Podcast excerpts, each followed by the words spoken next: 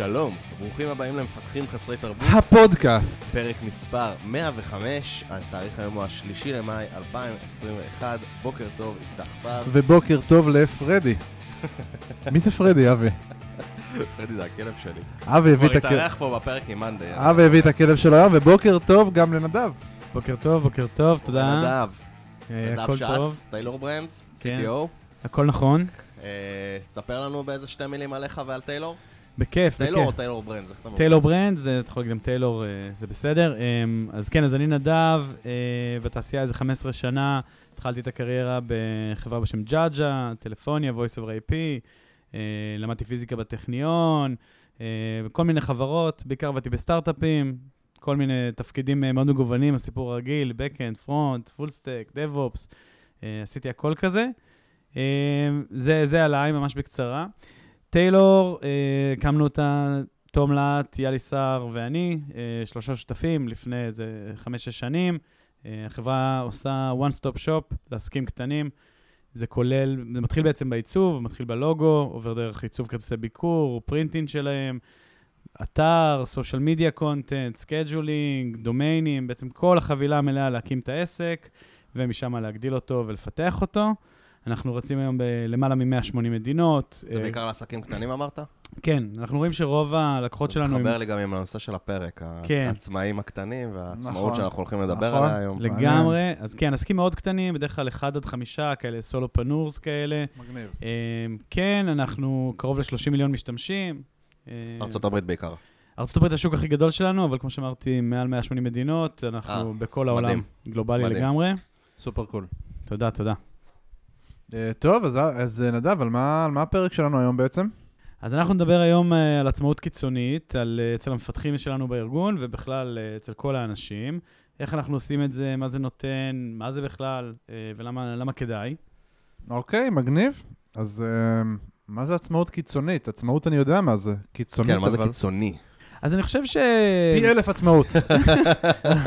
to infinity and beyond. אז אה, כן, זו שאלה מעולה. אני חושב שאנחנו כולנו בתעשייה באופן כללי הולכים ליותר ויותר אוטונומיה, יותר עצמאות, יותר אה, קבלת החלטות בקבוצות קטנות, וצוותים קרוס פונקשיונל ודברים כאלה. שמה אז- המטרה? אני חושב שבסוף, כמה שיש פחות אנשים שמעורבים במשהו, וזה לא משנה מה זה הדבר, הוא יותר מהיר ויותר אפקטיבי, וזה מה שכולנו חווים אה, בחיי היום-יום. אה. כאילו החלטות מתקבלות יותר בקלות. כן, החלטות מתקבלות יותר בקלות, גם תמיד יש את הגישה שמי שיותר קרוב לעשייה, מבין יותר את ההחלטות בניטי גריטי, כן. יש לו את התמונה. אה, כמובן שיש פה תמיד שאלות של אה, ראייה רוחבית, ואיך מייצרים כן. קונטקסט ודברים כאלה, ואנחנו נדבר גם על זה. אה, והחלק הקיצוני שבזה הוא, הוא לקחת את זה לאקסטרים ולראות כמה רחוק אפשר לדחוף את זה כדי לייצר את האימפקט האינדיבידואלי ואת המהירות ואת כל הדברים האלה, בלי לייצר אה, בעיות אה, אחרות. ותגיד, החברה שלך התחילה, איך שהיא התחילה בקונספט כזה של עצמאות קיצונית, או שזה משהו שלמדתם במהלך הדרך? כאילו, מה, איך זה עובד?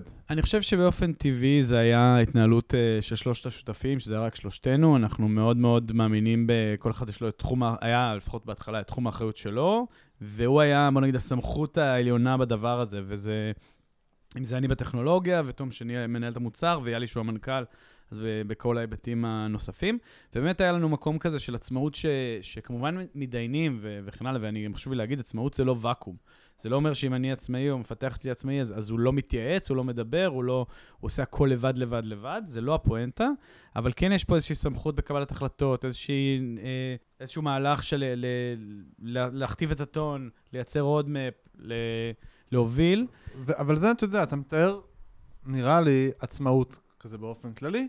אני שואל, מה עושה את זה קיצוני? מתי, מתי אמרת לעצמך, בואנה, אנחנו עושים עצמאות קיצונית. אני לוקח את זה לקצה. או אני לוקח את זה לקצה, כאילו מתי? זה בדיעבד או לפני? מה בדיוק? אז אני חושב שבאמת, כמו שאתה אומר, מה שתיארתי עם שלושה שותפים, זה כאילו נשמע מאוד רגיל, וזה באמת מה שבסוף סטארט-אפים מתחילים איתו. ומה שקורה שברגע שהצוות מתחיל לגדול, ומגייסים אנשים, ויש עוד אנשים, פתאום אתה אומר, טוב, זה כבר לא ה founder, זה כבר לא המנ- המנכ"ל, עכשיו יש לי פה VP marketing, עכשיו יש לי פה צוות פיתוח ראשון פתאום, יש לי ארבעה מפתחים, יש לי ראש צוות.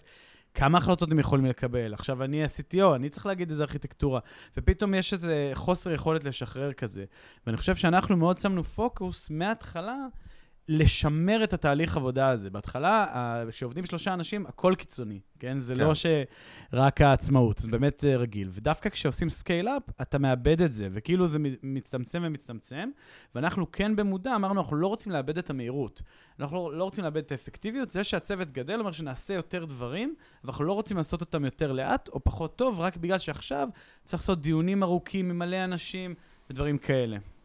אז תנסה בבקשה לנסות להסביר בכל זאת ההבדל בעיניך בין עצמאות לעצמאות קיצונית.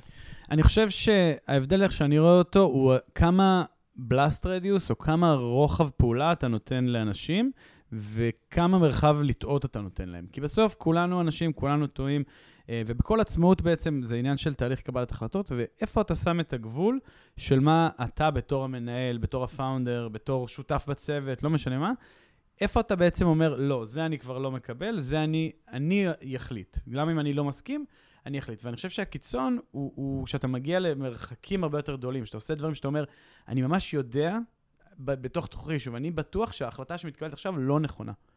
אני חושב שהיא לא נכונה, אבל זה לא התחום שאני החלטתי שאני אחראי עליו. בוא, כלומר, בוא נדבר איתנו בדוגמאות, זה מעניין אותי לשמוע סיפור כן. כזה. בעיקר של מפתחים. נגיד שמפתח לקח החלטה, מפתח, מפתחת, אתה בתור CTO לא הסכמת איתה, ידעת שהיא לא נכונה, וזרמת עם זה. אז יש לי, יש לי הרבה דוגמאות כאלה, ניתן אחת אה, יפה, אז אה, אצלנו אנחנו גם עובדים ב- בפודים, שאפשר גם להרחיב על זה אחרי זה, אבל זה צוותים אה, אוטונומיים בעצם אה, עם אה, PM, צוות פיתוח, ראש צוות פיתוח, אה, אנליסט, דיזיינר אה, וכן הלאה. והם מקבלים איזושהי מטרה, איזושהי מטריקה מאוד מאוד היי-לבל, זה יכול להיות אה, להעלות קונברז'ן באזור בפאנל, זה יכול להיות להעלות revenue, דברים כאלה, ומשם הם עובדים מאוד עצמאית. לכמה זמן אגב יש להם את המטרה הזאת? יש, הם, הם, המטרה שלהם בעצם תהיה רבעונית, אה, ואחת לרבעון בעצם יש אה, תיאום של המטרות האלה, יש להם מטרה, מה שנקרא, טובה ומטרה מדהימה, אה, ככה שני יעדים, אה, והם נמדדים על זה כקבוצה. אה, בתוך הצוותים האלה בעצם יש לנו גם אה, מפתחים. אה, מפתחת אחת אה, לפני כמה רבעונים בעצם העלתה נקודה, היא רצתה לשכתב חתיכה אה, מאוד מרכזית במוצר, כי היא הרגישה ש... לוקח זמן לכתוב שם קוד חדש, לוקח הרבה זמן להכניס אנשים לדומיין, זה אחד האזורים היותר רחבים במוצר. באופן טבעי לאורך השנים הוא גדל, ושוב, אני לא, לא אומר לכם פה שום דבר מיוחד. אבל היא לא רצתה להוסיף אף feature, היא לא ידעה לסמן איזשהו באג שזה יפתור, היא לא חשבה שזה ישפר מבחינת ה user איזה שהם ביצועים, כי בסוף הוא לא חווה את, ה- את הקוד. ו... בסדר, היא טענה שזה שיפור ב velocity. היא אמרה, אנחנו חייבים לעשות את זה עכשיו, אני חושבת שזה קריטי. ובא... קשה קשה להוכיח את זה, אתה יודע. כן, ברור, זה אינטואיציה. קשה להוכיח. יש לה עכשיו. אינטואיציה. עכשיו, כן, יש לה אינטואיציה, ומעבר לזה, אתה יודע, בתוך הצוות הזה, זה בעצם צוות שעובד על פיצ'רים וטסטים ו-AB טסטים שבאים מהמוצר, שבאים מה-user research, והכל מאוד מאוד מדיד, ואומרים, אוקיי, זה מה שזה ישנה בקונברזן, זה מה שישנה ככה. נכון. וגם באו אליי בתור ה-CTO, ואני אמרתי, אני לא חושב שזה הזמן לעשות את זה. נכון, יש טק-דט, נכון, יש דברים שצריכים לש- לקבל שיפור, ריפקטורים, הכל נכון. לי זה לא נראה אה, אישו מספיק חשוב כרגע, ובתוך הפריוטיזציה אני לא הייתי עושה את זה. ואני ממש חושב שזה לא נכון. והיא אמרה, אני רוצה לעשות את זה.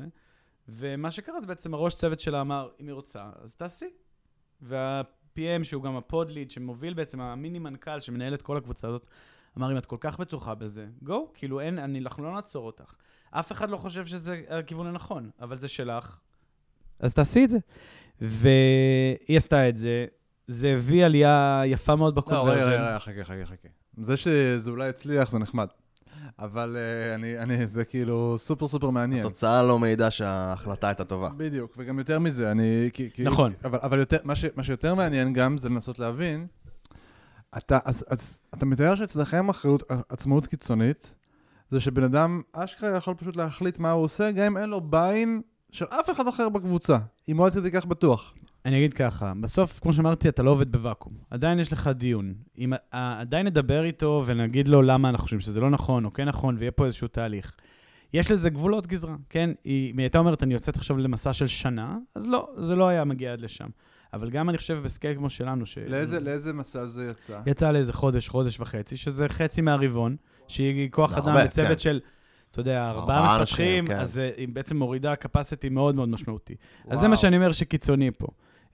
יש לי דוגמה מקבילה, לא, ואתה צודק, לא תמיד זה, זה מצליח, ולא אבל- תמיד זה עובד. זהו, זה, פה זה אני- עבד, כאילו, מעניין אותי מה קורה כשזה אותך, לא עובד. כל ההחלטות שמתקבלות על ידי זה שהמנהל מחליט, אה, לא, עובדות? לא, בוודאי שלא. לא, לא, ממ- ממש לא, אבל בדרך כלל מה שקורה זה שבאמת יש איזשהו דיון.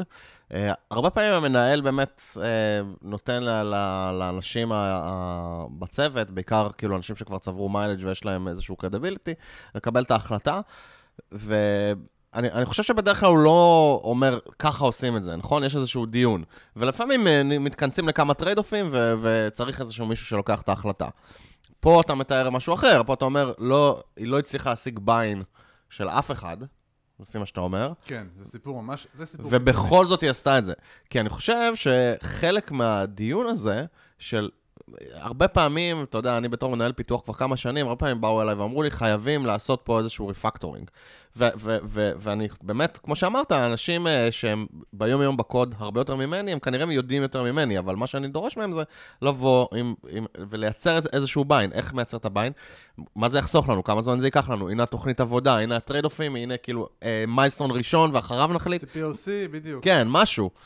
אז זה לא, היה, זה לא היה בוואקום, היא באה ואמרה את הדברים האלה, והיא באה ואמרה, אני חושבת שיהיה לנו פחות באגים, אני חושב שהפיתוח יהיה יותר מהיר לאחר מכן. כל הדברים, אה, בסוף לא הסכמנו איתם, כן? וזה עניין של זווית. וכמו שאתה אומר, אנחנו מאוד סומכים על האנשים. אנחנו בטיילור באופן כללי, לא רק בפיתוח. אנחנו, זה אחד ה-values שלנו, הוא start with trust, אה, ויש יש עוד שלושה. אבל מעבר לזה, אנחנו מגייסים אנשים ואנחנו אומרים להם את זה כבר בשלב הרעיונות. אנחנו נותנים המון המון המון חופש, זה בא עם גם הרבה אחריות, כן? אז זה לא שהיא באה עם רעיון שהוא נוראי, היא באה עם רעיון ש, שלה נראה ברור, ושוב, כמו שאתה אומר, היא חיה בתוך הקוד, היא כותבת את הפיצ'רים האלה, היא יודעת את האימפקט, ואולי לי, מהצד, שכבר לא כתבתי שם פיצ'ר שנה, נראה שזה מוגזם, אני מבין את הקטע של, אה, של, של לסמוך על אנשים, אתה יודע, זה סטיב ג'ובס אמר אפילו, אה, אני מביא אנשים חכמים כדי שיספרו לי מה לעשות, ולא שאני אגיד להם מה לעשות. אז אני מאוד מאמין בקונספט הזה שאנשים יודעים יותר טוב ממני מה צריך לקרות. אני, אני אתן לך, אני אתן לך, באותו סיפור, גם הייתה, היה משהו שהיא רצתה לעשות, שאני לא הסכמתי איתו, ואני צדקתי, אוקיי? ועשתה טעות. היא רצתה לפתח שם איזשהו חלק בצורה מסוימת בדיזיין, ואמרתי לה, זה לא טוב, כי זה הולך לבוא בעיה א', ב', ג', אמרה, והתעקשה והתעקשה והתעקשה, בסוף, שוב, זה חלק מהתהליך שלנו, מי שמוביל את הפיתוח של הפיצ'ר, יש, הוא סמכות עליונה בסוף בדיזיין. זה אחרי דיונים, ורוב הזמן, אני אגיד 99% מהזמן, לא מגיעים לנקודות האלה, כן? כי מקיימים דיון, כולם רוצים לעשות הכי טוב, והם מגיעים לתוצאות שכולם מסכימים עליהן. פה במקרה הזה, היא מאוד התעקשה על איזושהי נקודה, ואני אמרתי לה שאני חושב שזו טעות, כי מה יקרה א', ב', ג', והיא עשתה את זה. בדיעבד, כמה חודשים אחרי זה, שוב, לא דיברנו על מה יצא מהפיצ'ר הכללי, הפיצ'ר הכללי באמת פת, העלה את ה conversion בצורה ניכרת, ממש, זה היה אחד הדבר, הדברים הכי מוצלחים ברבעון של אותו ה pod. מדהים. בדיעבד, אתם יודעים, הכי קל ב hindsight להסביר, כנראה שהיה לנו כל מיני באגים חבויים כאלה שבכלל לא מספיק יוזרים דיווחו עליהם, לא עלינו עליהם ב tracking, בגלל ברור, שהם היו... ברור, ברור, ברור. קוד סבוך, הוא לא שינה פיצ'רים, אבל כנראה תיקנו שם כל מיני דברים, אה, זה. הדבר השני שהיא רצתה לעשות, שאני אמרתי לה, לא, הוא לא היה טוב. אחרי כמה חודשים באנו לפיצ'ר הבא, ובאמת היה יותר קשה לפתח אותו, ובאמת פתאום זה התחיל לעשות בעיות. אבל יש פה גם עניין של בלאסט רדיוס, כמו שאמרתי. אז מה שקרה, בשלב הזה, היא השקיעה עוד שבוע בפיצ'ר הבא שהיא עשתה, ושינתה את זה לצורה שדיברתי עליה מראש. כמות התסכול וכמות הזמן שזה חסך, זה שאני לא התעקשתי על זה, הייתה שווה את זה. כן, זה, יש פה המון המון היבטים גם מעבר. כשיש לך צוות שהוא קומיטד, שהוא מבין שיש לו השפעה, שהוא יכול לעשות מה שהוא רוצה, כאילו, מה זה מה שהוא רוצה? שיש פה שיח, שיש לו מקום. זה גם חלק מההתפתחות שלה. אני רוצה שהיא תלמד לעשות טעויות, אני רוצה שהיא תלמד להתמודד איתן, אני רוצה שהיא תראה את זה.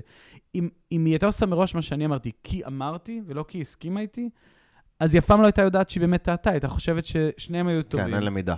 כן, אין למידה. אני נוטה להסכים, אבל יש לי שאלה אחרת חשובה. כאילו, אני מנסה להבין, קודם כל, כשאתם קיבלתם את ההחלטה הזאת של לתת לה, אז ממש מתוך עיקרון של, טוב, אנחנו בקטע של עצמאות קיצונית, אז אם היא רוצה ומתעקשת, אז פשוט תן לה לעשות את זה, או שזה בא יותר אינטואיטיבי, אתה מבין? לא, זה בקטע של עצמאות קיצונית, כמו שאמרת. אני אגיד, זה לא איזה משהו שאנחנו מדברים אותו ביומיום ואומרים, אה, הנה זה הסימן לזה או זה הסימן לזה.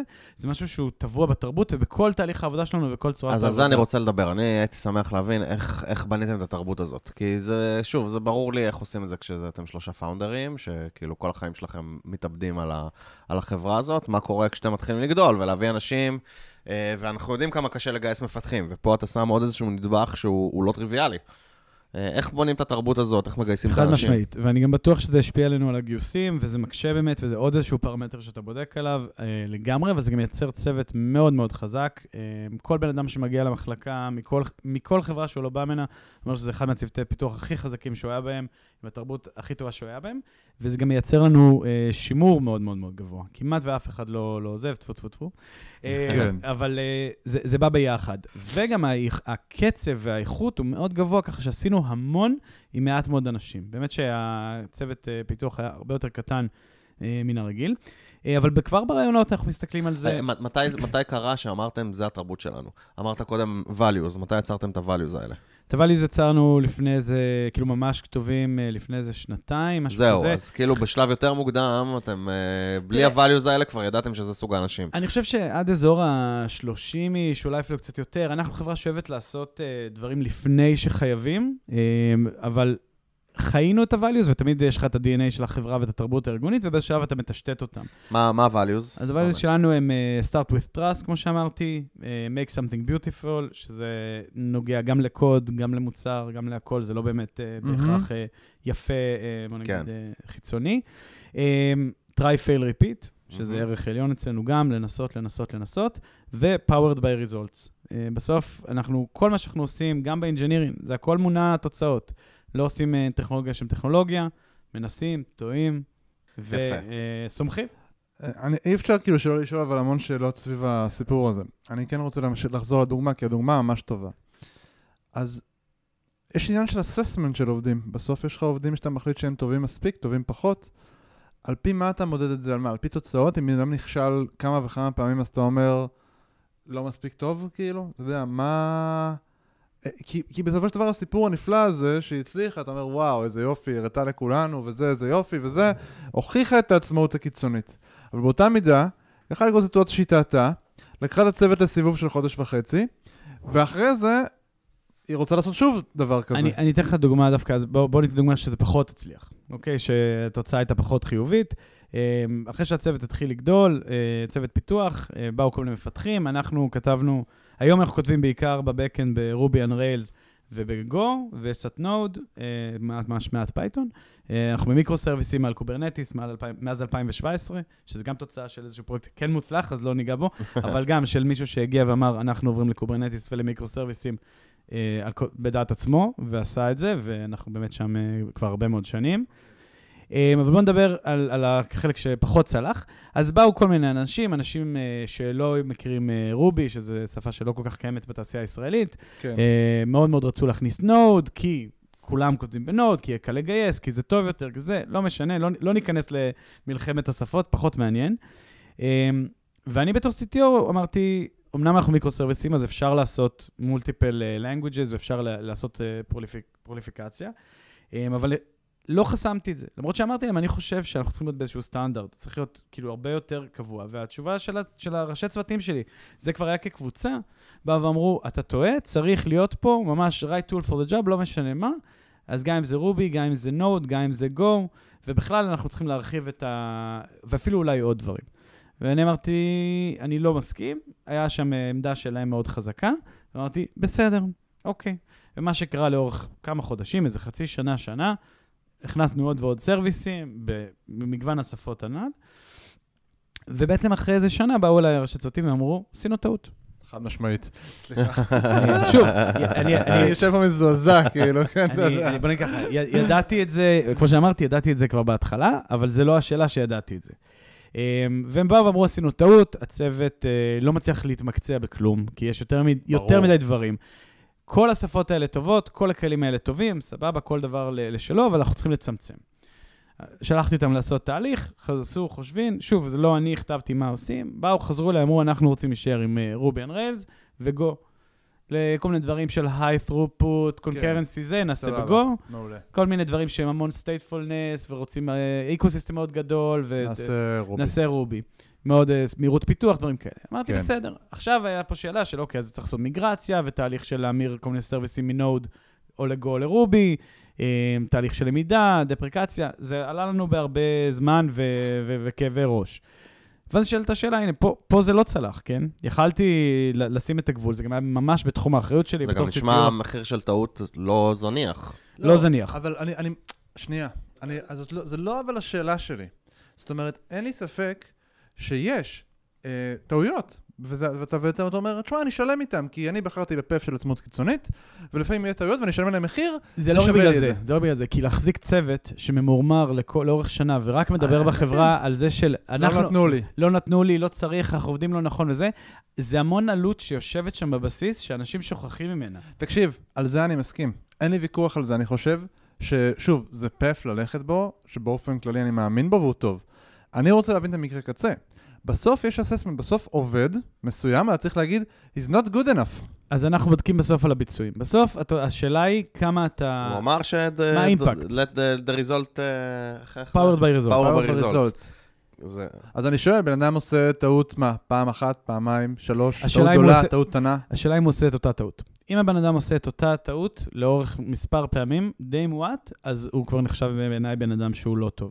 לא משנה כמה טעויות בן אדם עושה, כל עוד הן לא חוזרות על עצמן, או אתם יודעים, בטווח ההגיוני, כלומר, כל עוד יש. למידה. תמיד יש למידה, אני, אני תמיד, אה, אנחנו צוחקים על זה בחברה, אבל זה גם נכון. מי, מי שובר הכי הרבה את production? אני. היום זה כבר פחות נכון, כי אני כותב פחות קוד, אבל מי ששבר הכי הרבה את production בצורה הכי קשה, היא אני. כי מי שעושה טועה. וזה היה נכון אצלי תמיד. האנשים הכי בכירים אצלי הם אלה שעשו את הבאגים הכי גדולים ואת הבעיות הכי גדולות, וזה מה שקורה. וגם את הג'וניורים אצלנו, ככה אנחנו מלמדים. עושים וטועים, ואתה תשבור את production.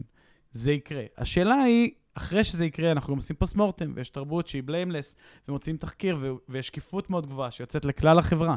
כל הארגון רואה מי עשה, מה עשה, איך, ואיך עושים הלאה. השאלה היא בסוף, איך אני מונע את הבעיה הזאת, שאף אחד אחר לא יעשה אותה. לא רק אני, שוב. ואם אני בצורה רפטטיבית עושה את אותה טעות שוב ושוב, אז אני לא לומד, ואני לא משתפר, ואני לא לוקח אחריות, ואני לא מגדיל ראש, ואני לא עושה את כל הדברים האלה שמאפשרים את העצמאות הקיצונית, ועל כן אני לא מתאים לארגון. כן, אני מבין. הנקודה היא שלפרמל טעות, כדי להגיד אם היא חוזרת על עצמה שוב, לפעמים זה גם כן מאוד מאוד קשה. ברור, תרבות כי הפוסט-מורטם, אחד ה- לשבת... אחת הבעיות שיש לנו בתכנות, ובהערכות זמנים באופן כללי, זה בגלל שכל דבר שאנחנו עושים כמעט הוא שונה. זאת אומרת, לא, אבל יש הרבה טעויות שיכולות אה, לחזור על להזכיר- אני, אני מסכים שיש, אבל אתה יודע, זאת אומרת, נורא קל לי להגיד, כן, הריפקטור הזה טעיתי, אבל הפעם באמת צריך. תרשה לי לא, אבל זה לאתגר לא את זה. הריפקטור טעיתי, זה כאילו עשיתי את הריפקטור הזאת בדרך, אה, אה, עוד פעם ועוד פעם עשיתי ריפקטור בלי לדוגמה לעשות לו טסטים, או להעלות אותו בלי לבדוק אותו מספיק טוב, או אני- להעלות אני אותו ביום חמישי בערב. כן, או- אני מסכים יותר עם אבי, ואני גם כן, לא, את את מה שאמרת. אני חושב שזה קצת אמירה קיצונית להגיד שכל פעם אנחנו עושים משהו אחר. אני חושב שבתכנות, כשאנחנו ניגשים לטק דיזיין במחלקה, אני תמיד אומר לחבר'ה שלי זה ככה. יש את מה אני יודע, יש את ה-knowns, יש את ה-known unknowns, שזה מה אני יודע שאני לא יודע, ויש את ה-unknown unknowns. עכשיו, גם שם אני יכול להעריך- להעריך את מרחב ה-unknown unknowns, שהם הדברים שאני לא יודע, ולתת להם את הבאפרים. אני לא תמיד אקלע. אבל יש המון רפטיציה, כן? בסוף אם אני עושה אינטגרציה משהו, אז נכון, אני לא יודע בדיוק את הפורמט, או בדיוק את הרייט אבל חבר'ה, אתם מדברים על איך לעשות. אוקיי, אני חשוב לי להגיד, באיך לעשות, יש באמת מלא מה ללמוד ומלא להשתפר. אני מאוד מסכים, הקראפט שלנו הוא מדיד, כאילו כמה טוב. אתה מדבר על עצמאות בקבלת החלטות. תשים לב, אתה דיברת בעיקר על להחליט מה לעשות. ופה... לא רק המה, אז- גם האיך. אני רוצה להגיד משהו, אנחנו באמת אה, בפלאנק, יש לנו אה, אה, תהליך של debrief, שזה לא בהכרח post mortem, זה אחרי שקרה איזה משהו גדול. פרויקט גדול, milestone, לקוח שהשגנו, לקוח שאיבדנו. אה, post mortem זה באמת אחרי שהיה איזה כישלון מאוד גדול, אבל debrief זה סוג של יכול להיות רטרו. כישלון קטן, זה יכול להיות הצלחה עצומה, זה כאילו משהו ששווה ללמוד ממנו. והדבר הראשון שאנחנו עושים בתהליך ה debrief, זה לסמן את ההחלטות. ההחלטות שנלקחו בדרך. החלטנו ללכת על הלקוח הזה, החלטנו לתת לו אה, אה, איזשהו POC לפני שהוא חתם חוזה, החלטנו שאנחנו עושים MVP שמורכב מככה וככה וככה, מסמנים את ההחלטות, ואז אנחנו דנים על כל החלטה, האם היא הייתה החלטה טובה. וחלק ממה שקורה לפעמים, אגב, בדבריף כזה, זה שאתה מגיע למצב שבו אתה עם תוצאות מצוינות, זה מה שאמרת, אה, אה, כאילו, אה, אה, אה, let the נו, אני כל הזמן שוכח. powered by results. powered by results, אני כל הזמן משהו result driven, לא משנה. בגלל אבי שאתה לא ריזל דריבן, זה הבעיה שלך. לא, אני בא להגיד result driven, והם אומרים, לא, זה power by results. לא משנה. אז לפעמים התוצאה, והיו לנו פרויקטים כאלה, התוצאה היא מאוד טובה, ואתה לא רואה. החלטות שנלקחו בדרך שהן לא טובות, ובמקרה, משהו שלא תלוי בנו, היו אוקיי. החלטות טובות. אבל זה גם עניין של להיות שקול ומפוקח וללמוד מה שצריך ללמוד. אתה יודע, גם יש לפעמים שעושים את כל ההחלטות הלא נכונות ויוצא תוצאה טובה. בדיוק, אז על זה אני מדבר, אז אני אומר, איך, כאילו, וזה מה שנראה לי שיפתח שואל, איך בודקים את ההחלטות? כי בסוף, העצמאות הקיצונית שאתה מדבר עליה, היא מתבטאת ביכולת קבלת ההחלטות. לא, ביכול, לא, לא בתוצאות, למרות שאתם כן אומרים פאור היא מתבטאת גם בתוצאות. בסוף ה pod, נגמר הרבעון, נמדד האם הוא הצליח או לא הצליח, אם הוא פגע במטרות או לא. אוקיי? זה bottom line. והצוות, יכול להיות, אני אגיד יותר מזה, יכול להיות שהצוות פיתוח דילבר יותר פיצ'רים מכל צוות אחר בעולם, ועשה את זה מדהים, ואין באגים וזה, אבל אם לא פגענו במטרות, הצוות לא הצליח. אוקיי? בסוף המטרה שלהם ביחד, וזה גם למה הם שותפים כל כך רציניים במה עושים ואיך עושים, ולמה וכמה, ומה זה MVP ומה זה... אבל הדוגמה של המפתחת ההיא שתיארת, שיצאה למסע, כן.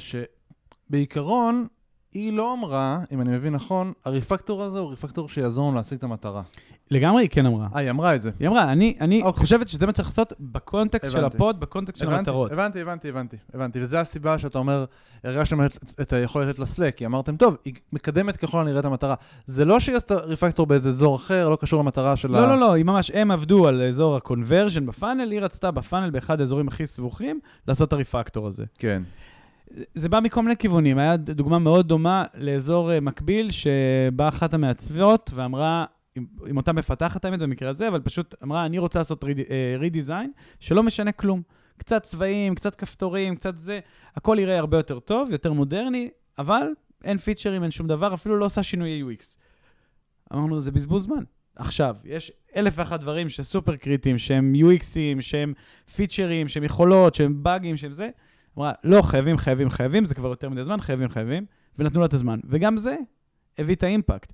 זה לא תמיד קורה. יש מספיק פעמים שאנחנו אומרים צריך משהו והוא לא קורה. ויש גם דברים שהם back office, כן? היה אה, מפתח שאמר, היה לנו איזשהו tech debt רציני ב billing system, שנמשך ונמשך ונמשך קרוב לשנה, והוא אמר, אני צריך עכשיו חודשיים, וזה אחד המפתחים הכי חזקים במחלקה, וזה אומר שזה ממש פוגע לנו ב velocity וב capacity אה, שאפשר לעשות, ונתנו לו, כי הוא אמר, די, חייבים. אה, וזה גם עניין של אמון אבל, אתה יודע, אתה לא מנצל את זה. בסוף יש רמת אמון מאוד גבוהה, גם בין ההנהלה וגם בין ה product וגם בין הפיתוח, ככה שלא משנה מי אומר, עכשיו חייבים, זה משהו שאתה לא יכול להשתמש בו הרבה, כן? ברגע כן. שאתה עושה לזה אביוז, זה מאבד את, ה- את האפקט. כן. אבל עושים לזה אביוז? זה קורה לכם? לא. לא, לא קורה שעושים לזה אביוז, עכשיו לא, חייבים. לא, בגלל שאני אומר שוב, הרוב המוחלט של הדברים קורים בשיח, ממש הרוב המוחלט מוחלט קורים בשיח וקורים בדיון ומגיעים להסכמות. אנחנו עכשיו מתארים פה, בגלל שאנחנו מדברים על הקיצון, על איפה זה פוגש אותנו. הרי כש, כשיש דיונים וכשכולם מסכימים זה, זה יותר זה קל. קל. זה רוב מה שקורה אצלנו. אני נותן את הדוגמאות במקומות שזה לא. זה יכול לבוא מכיוון אחר של uh, uh, uh, מגייסים, ואנחנו אומרים, צריך מינימום חמש שנות ניסיון לתפקיד פולסטקיסט חדש. ובאה המגייסת ואומרת, אני ראיתי מישהי, ויש לה שנה. זה לא רלוונטי. והיא אומרת, אני דיברתי איתה, ואתם חייבים לפגוש אותה. אז כל המנהלים אצלי במחלקה יתגייסו לזה ויפגשו אותה. זה לא משנה אם, אם אנחנו כולנו חושבים שזה נכון. טוב, תקשיב, זה סופר סופר מרתק, אה, נדב, ואני יכול לדבר איתך על זה לדעתי קל עוד אה, שעתיים, אה, כי אני מאוד אוהב את זה. בואו ננסה להבין באמת, הבנתי, הבנתי את היתרונות, אני חושב שהבנו דרך הדוגמה. מה, איך, איך בונים את זה בארגון? איך גורמים לזה לקרות? אמ, אז שאלה מעולה. אני חושב שבאמת אה, מההתחלה זה מתחיל כבר בשלב הרעיונות אה, וזיהוי האיכויות הנכונות אה, בבן אדם, ואני אגיד, יש הרבה דרכים להפעיל ארגונים, זה לא הדרך היחידה, וזה לא שמי שלא מתאים לארגון הזה הוא לא, הוא לא טוב, זה פשוט אומר שהוא לא מתאים לארגון הזה. אז באמת זה לראות אנשים שלוקחים הרבה מאוד אחריות אישית, שרוצים לקדם דברים, פחות אנשים שאומרים, אני אתן לי את המשימה שלי, אני אשב בחדר ואני אעשה אותה ואני אשלח אותה החוצה וזהו. כי האחריות אצלנו באמת גורפת, כאילו זה מתהליך קבלת החלטות, דרך הטק דיזיינס, דרך ה monitoring, חיבור למספרים, שקיפות מאוד גדולה על המטריקות. אז אז צריך להיות מישהו שרוצה את זה. אה, גם אנשים שרוצים רק טכנולוגיה, כי כל מה שמעניין אותם זה ה-latest and greatest וזהו, שאנחנו מאוד ב-latest and greatest האמת, אבל שזה כל מה שמעניין אותם, ורק לעשות הדבר הטכנולוגי הכי מעניין, אז אנחנו מוצאים את השילובים, אבל זה פחות הפוקוס. אנחנו תמיד מתמקדים באיך זה מקדם את העסק, איך זה מקדם את הלקוחות שלנו, איך זה מייצר value, ולפעמים יש פיצ'רים אה, שהם לא כאלה מעניינים טכנולוגית. אתם יודעים, להרים עוד איזה service CRUD ולעשות עוד כמה, אה, עוד איזה UI, וזה קורה. אה, ואני צריך אנשים ש, שמתרגשים גם מזה, כי הם רואים מה זה עושה ל user. החבר'ה אצלנו משחררים פיצ'ר, ואז יושבים על כל המערכות של ה product, ומסתכלים איזה מוצרים אנשים מוציאים איתם, ואיזה עסקים הם פותחים, ואיך זה משפיע, וקוראים, ומדברים על user research לשמוע מה זה עשה, וזה הכיוון. אז אתה רוצה אנשים שגם עם יכולות מאוד גבוהות טכניות, כמובן, כמו כולם, גם עם יכולת גם תקשורת מאוד גבוהה, כי זה חייב להיות אנשים שנעים לעבוד איתם. כי אם אני רוצה שהכל, הרוב המוחלט, כמו שאמרתי כמה פעמים, ייסגר בדיונים ובהסכמות, אז אני חייב אנשים שגם מוכנים לדיון, מוכנים לשמוע ביקורת ופידבק. וזה צריך להיות אנשים שיודעים לקחת אחריות, לעשות, וכשהם טועים, להגיד, טעיתי, איך נעשה אחרת, ולתקן. אז זה באמת פוקוס מ- מרמת הרעיונות, שאנחנו מאוד מדגישים את זה. אנחנו גם מאוד משקפים את זה. אה, אנחנו אומרים את זה, ואני גם תמיד אומר לאנשים, אם זה לא מתאים, זה בסדר. אז, אז בעצם זה טכנולוגיה, תקשורת ואחריות? זה הדברים? ויכולת uh, התמודדות, אני חושב, עם uh, שגיאות, תחקור נקרא לזה, אוקיי, ניתוח. למידה אולי. למידה, כן, אוקיי, למידה זה מצוין. כן, בסוף, אני חושב שכולנו, לא משנה מה, בכל התעשייה מגייסים בסוף על פוטנציאל. כן. אה, כן. אז, אז הפוטנציאל בכל התחומים האלה אה, לגמרי, ובאמת שם זה לפי ה seniority. בן אדם שיותר שנים בתעשייה, אני מצפה ממנו שהוא יתמודד עם יותר דברים בסגנון, ואז אני רוצה לראות את הדברים האלה בעבר שלו. אנחנו שמים המון פוקוס בראיונות גם על, נגיד, system design, כדי לקיים את הדיון ולראות איך הבן אדם אה, עונה על שאלות, ואנחנו גם מאתגרים אותו. נגיד, אני בראיון ל system design, תמיד אמצא מקום לא להסכים עם הבן אדם. עכשיו, לפעמים, ואפילו לעשות את זה בצורה קצת מציקה, כדי לראות איך הוא מתמודד ואיך הוא לתקוף את מגיב. ההחלטות כאילו של ה design. כן, ותמיד אני אומר להם, אתה תבחר, בודק- אתה בודק את הדיון, אתה לא בודק אפילו את העניין. בדיוק, אני גם תמיד אומר, תבחר טכנולוגיה. תגיד לי למה. אני רוצה לראות אנשים שיודעים לקבל החלטות, שיודעים לחשוב, שיודעים להציע. הם לא תמיד צודקים, אבל זה בסדר. אחרי זה, ללמד, ללמד אותם טכנולוגיה, אני יודע איך, לייצר את האופי ואת הפוטנציאל הזה, זה יותר קשה. משם אנחנו נכנסים באמת לתהליך onboarding, שהוא מאוד מאוד מאוד מתחיל את החוויה הזאת. הוא בנוי בצורה מאוד מסודרת והוא מאוד self service, וגם שם יש למפתח הרבה חופש. אה, בן אדם בא ויש לו המון חומרים על ה-Backend Technologies, Frontend, אצלנו כולם עובדים full stack מלא, על ה Kubernetes, על Docker, על כל הדברים, המערכת מאוד מאוד גדולה. גם על החברה עצמה. גם על על החברה ה business, עצמה, על דברים המטריקות, על ה business, כן, לגמרי, מה זה SaaS, מה זה SaaS metrics, דברים שהרבה מאוד אנשים בתעשייה לא מכירים. גם בגלל ה scale שלנו זה הרבה יותר דומה ל-B2C מאשר כן, ל-B2B, כן. כן. אמ, וזה גם משהו ש... כן, SMB זה כמו B2C. כן, לגמרי. ואנחנו בכמה מיליוני מבקרים בחודש, ואין לנו sales team, זה יותר direct marketing, ועל כן, מאוד מאוד דומה ל-B2C, וגם את זה אין המון בתעשייה. אז אה, מלמדים את האנשים את כל מה שיש, אבל גם נותנים להם את החופש. יש אנשים שאומרים, טוב, אני רוצה לשבת שבוע, לראות וידאוים, לעשות טוטוריאלים, ללמוד את כל הטכנולוגיות, ואז להתחיל להיכנס למשימות. ויש אנשים שעושים יומיים, שלושה, ואומרים, וואלה, עזוב אותי, אני, תן לי ללמוד מהידיים, ככה אני לומד הכי טוב. או אנשים שבאים ואומרים, אני רוצה קודם כל ללמוד את ה front-end. סבבה, אני יודע שאני צריך לעשות full stack, תן לי להתחיל. וזה ביחד עם הראש צוות ואיזשהו buddy שאנחנו מקצים להם, שהוא צמוד אליהם. ככה בעצם הם, גם בונים לעצמם תהליך ב- בהתאמה לעצמם. משם מתקדמים באמת ל- לכתוב קצת טסטים, אין לנו צוותי QA, את הכל אצלנו automated כאילו, טסטים. הכל ממש כזה מוכוון ל... ל... זה, זה כמו כאילו zero touch onboarding כזה. לגמרי, אבל שוב, זה עם הרבה ליווי. בסוף יש לך ראש צוות ויש לך buddy והם זמינים כן. לך בכל רגע, אוקיי, אבל אתה דוחף את אבל זה. אתה, אתה אחראי על התהליך ה onboarding שלך כבר כן. מ-day one. יה- כן, אגב, אם לגמרי. הראש צ- אם אתה כל כך עצמאי, מה התפקיד של הראש צוות בסיפור הזה? הראש צוות... לאפשר לך להיות עצמאי. לגמרי. ב- דבר ראשון, להסיר חסמים. אם יש משהו שחסר לך, אם מישהו שאתה צריך, אתה יודע, בסוף כן מעורבים אנשים, לפעמים צריך לעשות תיאומים.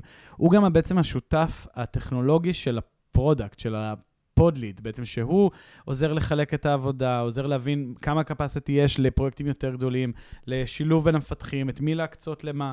יש למפתחים המון המון השפעה על זה, והם יכולים להגיד, אני רוצה לעשות את זה, אבל הרבה מהזמן, אתה יודע, יש את השוטף, ואתה לוקח את המשימה הבאה ואת המשימה הבאה, ולאו דווקא אתה חושב, הראש צוות חושב, איך אני עכשיו מוריד את הבאס פקטור ומוודא שבמערכת הזאת שהוא כתב, עכשיו היא תיכנס, תכיר אותה גם, ואני מוריד את, בעצם את התלות שהמשימה הבאה יהיה חייב להיות הוא. והוא גם יש לו את הזווית היותר רחבה, הרבה פעמים של, אוקיי, זו ההזדמנות לעשות משהו יותר תשתיתי. דווקא זה מעניין, כי דווקא נשמע שבשיטה הזאת הבאס פקטור הוא, הוא אמור להיות נמוך. זאת אומרת שאתה... ש... הוא מאוד לאו נמוך. דווקא, לאו דווקא. או, אבל- אבל הבאס, זה- לא, הוא אמור להיות גבוה. נכון, גם מאוד גבוה. כלומר, לא- בעייתי לא- אתה לא מתכוון. בעייתי, כן. אז זה, זה לא קשור לשיטה, אני חושב שבכל זאת אומרת מקום... שכאילו אתה תלוי בבן אדם ספציפי. אני חושב שבאופן טבעי, מה שקורה בכל מקום, אה, בדרך כלל זה שמישהו עושה איזה משהו, בד- אני מדבר על מערכות יותר מורכבות, ומשם כל פעם שצריך לעשות עוד איזה פיצ'ר, אומרים, טוב, אבל הוא יעשה את זה הכי מהר. ואז תמיד המשימות האלה הולכות אליו. אנחנו מאוד מאוד, אה, נגיד, נחרדים מאמירות כאלה, שאנחנו מבינים, ש... מהמצבים האלה, שאנחנו מבינים שאוקיי, כל הזמן המשימות האלה הולכות לאותו בן אדם. ואז בשיתוף פעולה מנסים למצוא את ההזדמנות להכניס עוד אנשים. עכשיו, כן. זה מוצאים את הזמן, אתה יודע, אם זה בתחילת הרבעון, או אם זה חבר צוות חדש שנכנס, וזה שוב בשיתוף גם עם אותו מפתח. אתה בוואן און וואן עם ראש צוות, יש לך מפתחת שאומרת, אני רוצה להתמקצע ב front-end ואני חלשה שם. בו זמנית, יש לך מישהו אחד שהוא מאוד מאוד חזק, והוא כל הזמן עושה את הפיצ'רים ה-heavy front-end. אז אתה לוקח את הפרויקט הבא הגדול שיש, הפיצ'ר המרכזי הגדול, ואומר, אוקיי, את עושה את זה. את עושה tech design. מי שילווה אותך זה אותו מפתח חזק. וככה לאט לאט אנחנו מרחיבים את היריעה. ויש לנו, אחרי הפרויקט הזה, שאולי עולה לנו בעוד שבוע, אבל פעם הבאה כבר יש לנו יכולת לעשות מקבול, בין אם זה שניהם, בין אם זה ללמד עוד אנשים. אוקיי. הראייה יותר ארוכה. אז באמת, אה, אחרי ה-onboarding, עושים קצת טסטים, עושים קצת משימות קטנות, שזה השלב שעוד הראש צוות ככה אומר, תיקח את זה, תיקח את זה, תלמד, ונכנסים לפלואו הרגיל. שהפלואו הרגיל, הוא, אה, יש משימה, זה דומה לקנבן, לא בדיוק, יש backlog, רשימת משימות, אני מפתח, התפניתי, בפוד שלי, אני מסתכל בבורד, לוקח את המשימה. בגדול, אני אמור לקחת את המשימה בראש הטבלה. pod, אז אמרת pod בנוי מאנליסטים, tech... יש pod lead, שזה בדרך כלל PM ל pod ים של המוצר, יש אה, ראש צוות פיתוח, צוות פיתוח. הראש צוות פיתוח מנהל את האנשים בתוך ה pod.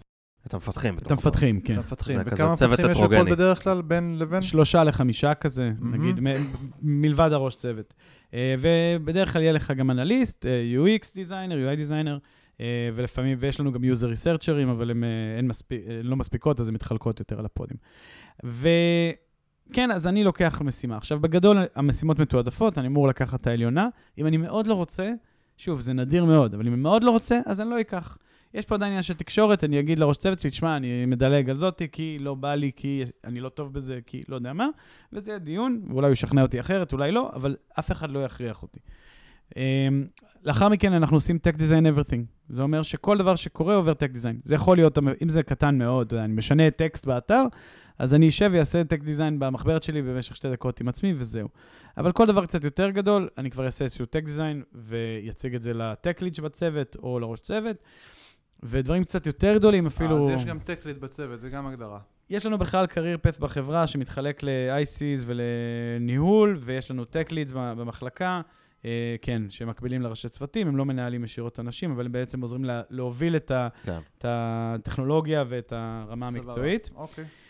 אה, וכל דבר שאני חושב שפרויקט שגדול משבוע, שבועיים, כבר יקבל טק דיזיין מסודר, עם מסמך וכן הלאה, ובאמת אותו, אותה מפתחת תעבוד עם הטק ליד, לאפיין את זה, במידת הצורך גם יציגו את זה לי ולטק ליד האחר, אה, ומשם רצים. עכשיו, גם בתהליך הזה, היא בעצם עושה את זה כראות עיניה, אה, כמובן מקבלת פידבק וכן הלאה, אבל כמו שאמרתי קודם, גם בציטואט, בדוגמה שנתנו, התוצאה, ההחלטה הסופית של איך זה יהיה, היא שלה.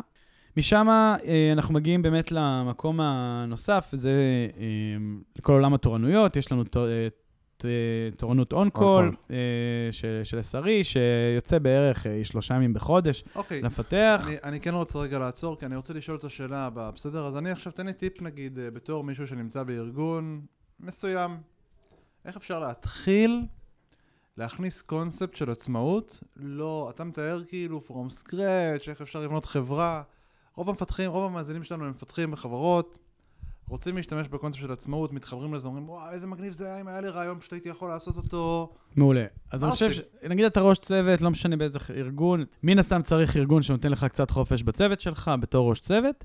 אז אתה יכול לבוא ולדבר עם הצוות ולהגיד, תשמעו, אני רוצה להעלות את רמת העצמאות, אני רוצה לתת לכם יותר חופש לעשות את הדברים שאתם רוצים, ללמוד את הדברים שאתם רוצים, מן הסתם, לייצר את ה buy-in בתוך הצוות זה יותר פשוט. אבל uh, לתת להם מה, מה, מה הרווח, ואז לתת להם גם מה הדרישות. זה ידרוש מכם להגדיל יותר ראש, לקחת יותר אחריות. אין דבר כזה משהו שעלה, ואז אומרים, אבל ה-QA אישרו את זה. אין דבר כזה עכשיו, זה עלה, טוב, ה-DevOps יטפלו בזה עכשיו, זה production. רמת האחריות הנדרשת מאנשים גם יותר גבוהה. אם אתה מייצר את הביין הזה עם הצוות שלך, אתה יכול להתחיל לעבוד ככה. מה זה אומר? אתה אומר לבן אדם, אוקיי, הנה משימה חדשה, עכשיו אתה תיקח, תעשה לה טק דיזיין לבד. בוא תראה לי מה יוצא. תראה לי, אני אתן לך פידבק, ומכאן אני אתחיל ללמד אותך איך אתה עושה דברים בצורה עצמאית לגמרי. איך אני אה, אה, מוריד אנשים. מעבר לזה, אתה אומר, יושב ומפתחים, אתה אומר, מה התהליכים אצלנו שכוללים עוד אנשים? אתם היום, מה אתם מאשרים אצל אנשים? מה עובר בקרה? אה, ובואו נראה מה מזה נותן לכם value, ואתם רוצים את האנשים האלה בשרשרת, כי אתם מגלים כל מיני דברים שלא ידעתם, ואז אפשר להסתכל על זה, או בהיבט של איך אני מגדיל את הידע שאני לא אצטרך את הבקרה הזאת, או להשאיר אותה. ומה שקורה בדרך כלל בהרבה ארגונים, מן הסתם יש דברים שהם מיותרים מבחינת המפתחים. אומרים, אה, אני צריך לעבור אצל זה, אני צריך לעבור אצל זאתי, וכל הדברים האלה לא נותנים לי כלום. אז בואו נראה איך מורידים את זה. ואתה בתור ראש צוות, זה בדיוק התפקיד שלך, איך אתה משנה את התהליך, איך אתה מייצר את הביין מסביב, ונותן להם את, ה, את הגיבוי, שאתה אומר, לא צריך יותר את זה. ה-PM אומר, אני רוצה לראות כל דבר לפני שהוא עולה. למה? למה הוא צריך לראות את זה? אם הוא כתב את הגדרת המשימה טוב, ואנחנו סומכים על כל האנשים מעורבים, אז לא צריך, נכון? כן. אוקיי, אז אם, הוא, אז אם הוא אומר אני חייב, למה? אז אין לו, אין לו ביטחון, למה? כי הצוות שלי מעלה הרבה באגים? אוקיי, אז למה הוא מעלה הרבה באגים? תמיד להגיע לשורש הבעיה, לשאול למה, למה, למה, יש תרגיל כזה של כן, אה, כן. five 7 whys. wise או 5 Seven wise, whys, כן, לא זוכר 13. כמה עושים. כן, כן, אז- 200 wise, אין סוף wise. כן, אז, אז עם כל הצחוק שבצד, מתי אתם עושים את זה, אבל ברטרוספקטיב צוותי, ב... תשמע, שום דבר לא מושלם, ודברים, אה, אתה יודע, כל הזמן צריכים אה, שיפורים. אה, גם אצלנו... אני ה- מניח שצריך אבל תהליך, כאילו, שגורם לדבר הזה אני- לקרות. ברגע. שאני מזהה משהו שקורה בצורה שהיא לא תואמת את המתודולוגיה הזאת, זה מציף לי שיש איזושהי בעיה. יכול להיות שזה בן אדם חדש. שהגיע ועוד לא מתורגל, ואז הוא, הוא חושש. אבל אז אני שואל אותו, ממה אתה חושש? מה הבעיה? אתה יודע, אנחנו לא עובדים, בגלל שאנחנו עובדים גם ב-continuous deployment מלא כבר הרבה מאוד שנים, אה, אנחנו עושים אה, בין, מעל 10 ריליסים ביום. אה, זה מאוד מאוד מוריד את הלחץ, וגם אנחנו לא עובדים בספרינטים. אז הקצב שינוי הוא עצום. זאת אומרת שגם ה product לא אומר, אוי, shit, עלה לי איזה באג, אני צריך עכשיו לחכות שבועיים, אבל רגע, כבר התחלנו את הספרינט הבא, אז רק עוד חודש אני אראה את התיקון הזה ב release של עוד שני ספרינטים. לא, הוא יכול לבוא לדבר ולה, ובשיח להגיד, בואו, אתם רואים את הבאג הזה? וואי, כל הצוות אומר, כן, רואים את הבאג הזה? זה ממש בעייתי. מישהו שסיים הרגע משימה, לוקח את זה, ולמחרת זה כבר live. אה, הקצב הוא כזה שזה מוריד הרבה פחד. אני חושב שברגע שאתה מייצר תשתית שהיא ברמה מאוד גבוהה, של resiliency מאוד, מאוד גבוה, יש לנו גם monitoring ברמה מאוד מאוד גבוהה, גם על error tracking, גם על auto uh, scaling, גם על infrastructure, גם על APM, אתה מייצר visibility ות מאוד גבוהה. אז גם הצוות יש לו ביטחון, והביטחון הזה מאפשר לכולם לעבוד הרבה יותר בחופשיות. אם, אם, אם אין לך visibility ות, או אם אנשים, או אם אתה לא מצליח לתקן, או אם הקצב שלך איטי, הדברים האלה נהיים נורא בעייתיים. כי ברגע שאם אני אומר לך, אני- אתה יכול לעשות release פעם בחצי שנה, אתה תגיד, אני חייב לבדוק כל דבר שעולה. כן. כן.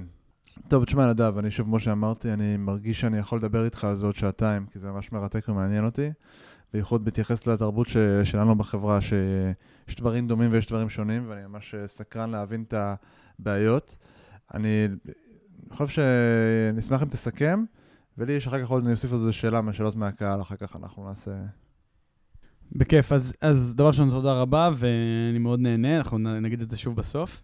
אני חושב שאם מסתכלים על עצמאות קיצונית, אז באמת, כמו שאמרתי כמה פעמים לפני, צריך לייצר את הסביבה המתאימה עם האנשים המתאימים, לאפשר את הביטחון, לאפשר את היכולת לטעות, לתחקר, לתת את הוויזיביליות, לתת את הקונטקסט למה מנסים להשיג, ומשם לתת לאנשים את החופש. כשאנחנו עושים את זה ככה, זה מאפשר להוריד את האגו, מאפשר להוריד את החסמים, להעלות את הקצב, להעלות את האימפקט, לשמר אנשים, לגייס אנשים אה, איכותיים מאוד, ובאופן כללי לגרום לכולם להצליח יותר, אה, גם בביזנס, גם בחוויה וגם בתרבות. אה, ואני מאוד מאוד ממליץ, אפשר לעשות את זה גם בקטן, לא חייבים להתחיל ישר מכל הארגון, כל התפקידים, כל החברה. סבבה, ונעבור לשאלות מהקהל. שאלות מהקהל. אז אה, אני אתחיל מהשאלה הראשונה היא שלי. יאללה, אתה לא קהל אבל. אני חושב שאני קהל, זה אוקיי. יפתח אחר. יאללה. מה. הדאונסייד בסיפור הזה? הדאונסייד הכי ברור, אני חושב, לסיפור, הוא שזה מפחיד. אם אתה הנהלה, אתה צריך לדעת לשחרר. אה, וזה מוריד לך באמת את היכולת אה, לקבוע דברים, אה, שאם אתה סוג מסוים של מנהל, או אם אין לך באמת את הוויזיביליות, אתה, אתה בבעיה. עכשיו, זה גם לא מתאים לכל סיטואציה וסיטואציה, לפעמים אתה במצב ש... נגיד אם אתה לקראת גיוס, אוקיי? אתה לקראת גיוס ואתה הבטחת איזשהו feature לאנשים שאתה, למשקיעים. אתה חייב שהוא יצא עד התאריך הזה והזה. פה כבר כנראה שאין מקום לדיון ואין מקום לעצמאות ואין מקום להחלטות. אתה חייב שה feature הזה, X יצא. זה יכול להיות גם בסיטואציה שסגרת דיל עם אה, איזשהו לקוח מאוד מאוד גדול, וזהו, זו ההחלטה התקבלה. מפה כבר אין מקום ללהגיד אני לא רוצה, אני לא יכול, זה לא נכון, זה. אז יש סיטואציות כאלה שבהן חייבים לעשות משהו, ונגיד חייבים לעשות אותו עד תאריך מסוים, וזה מכתיב את כל השאר, ומן הסתם אפשר להתדיין על האיך, ומה, ואיך לפתור את זה וכאלה, אבל זה, זה מוריד את היכולת לה, להנחית החלטות מלמעלה, שמן הסתם נשמע רע, אבל יש סיטואציות שזה נדרש. גם שם, אבל המקום הוא ל- לתקשר ולהגיד, אוקיי, גם אנחנו עובדים ככה, כאשר יש סיטואציה כזאת, זה למה עושים את זה, ואז שוברים את, ה, את התהליך. כל תהליך בסוף, בראייה שלי בארגון, נועד לשרת אותנו ולא אנחנו אותו, ולא משנה מה זה, הוא, הוא בר שינוי בהתאם לצורך המתאים. מגניב, תודה. אני רציתי לשאול, אה, אני, אני, אני אחבר פה שתי שאלות. אה, אסף ספיר שאל, בסוף מישהו צריך לקבל החלטות מה החברה עושה, אז איך... לא? הוא כתב לא? לא. בסוף? וריטה קציר שאלה, אה, איך, מוודאים, איך מציבים גבולות ומוודאים שסך כל ההחלטות הקטנות לא גורמות לסטייה מהאסטרטגיה לטווח ארוך? זה פשוט שתי שאלות שנראות לי קשורות. מצוין. אז באמת, בחברה שלנו, המטרות של החברה, לאיזה יעדים אנחנו מנסים להגיע בשנה, מגיעות מההנהלה ומהמנכ"ל, ובעצם יורדות למטה. הן מתפרקות, הכל גלוי, כן, זה שקוף לכולם, כל החברה מכירה אותם, אבל באמת זה, זה מי שמחליט עליהם. משם אנחנו מחליטים, ביחד עם הראשי pod ים, על המטרות הרבעוניות, שגם שם הראשי pod ים צריכים להגיד, אפשר לעשות את זה, ואנחנו אומרים, אם נעשה לכל אורך הרבעונים את המטרות האלה והאלה, נגיע בצורה ישירה למטרות. ומשם זה יורד ל pod, שבתוך ה pod הם עושים בעצם את אותו הדבר, פשוט ברמה יותר, יותר אה, גרנולרית. שהם מסתכלים ואומרים, אם נעשה את ה feature ים האלה והאלה, ככה נגיע למטרה. אז בכל אחד ב scope שלו מקבל את ההחלטות. מבחינת הווידוי של ההחלטות, אנחנו מייצרים בקרה אה, קבועה וויזיביליות קבועה. זה אומר שאחת לשבוע כל הראשי פודים נפגשים ביחד עם ההנהלה, ומקיימים אה, בעצם איזושהי הצגה של כל מה שקורה כרגע, איפה עומדים ביחס ליעד, מה הולך לקרות, וזה מקום שבו אנחנו גם נותנים פידבק, גם מעלים אה, ת, בעיות שיכולות לבוא, גם עזרה. וגם מוודאים שאנחנו בעצם בכיוון. אם מישהו לא, לא בדרך ל, ליעד, אז זה כבר גורר דיונים נוספים של איך אפשר לעזור להם להגיע, ולמה זה לא קורה, ואיך אפשר לשפר את זה. Uh, אותו דבר בתוך המחלקה, אם זה דברים טכנולוגיים, אז יש לנו tech design, ויש review ל tech design, ובסוף המטרה היא כן לשים בקרות לפי ה blast radius ולפי ה scope של ההחלטה את הנד, עם האנשים הרלוונטיים, לראות שאנחנו לא סוטים בין, בין אם זה מהאסטרטגיה, ובין אם זה אה, רמת הסיכון שאנחנו מוכנים לקחת. רע אס שואל, איך מודדים התקדמות ש... במצב של עצמאות אוטונומית, התקדמות של החברה, התקדמות של העובדים, ושאלה שנייה, איך פותרים קונפליקטים בין גישות שונות בין עובדים, אם כל אחד אה, נושך לכיוון, אה, או מושך, מושך, מושך. לכיוון שלו בכוחות שווים. אז מבחינת אה, מטרות של החברה, זה בדיוק מה שהסברתי עכשיו, שכן מציבים מטרות ורואים איך אנחנו מתקדמים אליהן. מבחינת uh, התקדמות של עובדים מסוימים, אז הזכרתי בפרק שיש לנו uh, career path, שלכל level בו uh, יש הגדרה מדויקת של מה מצופה מהמפתח או המפתחת לעשות, כדי להתקדם לשלב הבא. ושם זה באמת דיונים ביחד עם הראש צוות, לוודא שהיא מקבלת את ההזדמנויות גם לבצע את הדברים האלה, וככה אפשר למדוד את ההתקדמות. מעבר לזה, כמובן, החלק בפוד וההתקדמות עם מטרות החברה. והסוף היה? הש... השאלה האחרונה שם הייתה, מה? לא, לא, איך פותרים קונפליקטים? אה, כן, קונפליקטים. אז באמת, לפתרון קונפליקטים, אמ, דבר ראשון, מגדירים סטנדרטים. אנחנו בחברה, אם יש את הוויכוח הנושן טאבים או רווחים, אה, או כל דבר אחר שמקביל לזה, אנחנו מגדירים סטנדרטים. מגדירים אותם בצורה כזאת שמוסכמת על כולם, ומורידים בכלל את הדיונים האלה. מעבר לזה, אם זה כבר משהו ממש ספציפי בתוך איזה פיצ'ר, איך לפתח אותו, איך לעשות אותו, זה כבר באמת המקומות של מי זה תחום האחריות שלו. בסוף תמיד חייב להיות בחדר מישהו שבסוף זה החלטה שלו. במקרה שלנו, רוב הזמן למפתחים הספציפיים זה כשהם מובילים את הפיצ'ר, אז הם מחליטים. זו החלטה שלהם. אה, ואם זו החלטה מוצרית, אז ה-PM מחליט סופית, ואם זו החלטה ב-UI, אז הדיזיינר מחליט סופית. בסוף, אנחנו כן, כמו שאמרתי, רוב הזמן המוחלט מגיעים להסכמות, אבל כשמישהו חייב לקבל החלטה, מקבלים. בנוסף, אני אגיד, כל מה שאנחנו עושים בחברה הוא Data Driven, ואנחנו מעלים הכל ב-AB טסטים, ככה ש... והקצב אה, עלייה הוא מאוד מאוד גבוה, כמו שאמרתי, זה מאפשר להוריד את הלחץ. וזה גורם להרבה סיטואציות שבה שניים לא מסכימים, ומישהו אומר, טוב, בוא ננסה. ניסוי. כן, בוא נעלה את זה ונראה מה יהיה. כן. אף אחד לא יודע באמת בצורה מוחלטת, וזה גם עניין של תרבות חסרת אגו, ולהבין שלא אני ולא אתה יודעים בוודאות מה יקרה. וברגע שהעלות לנסות היא זולה, זה מבטל את, את הקושי הזה בדיון. מדהים. אה, נדב, המון תודה, זה היה ממש דיון מרתק. אה, זהו, אתם מוזמנים להצטרף אלינו לקבוצה בפייסבוק, מפתחים חסרי תרבות. הקבוצה. תודה לכם. שם אנחנו מעלים פוסטים לפני שאנחנו מארחים אה, אה, אורחים אצלנו בפרקים, אתם מוזמנים לשאול שאלות. אה, וזהו, טוויטר, שם הכל קורה. ממש, אגב. אה, אני ממש. בטוויטר בזמן האחרון. כן, אה? אה? זהו, שיהיה לכם אה, יום קסום. תודה נדב, יום קסום. תודה לכם, יום טוב. ביי ביי.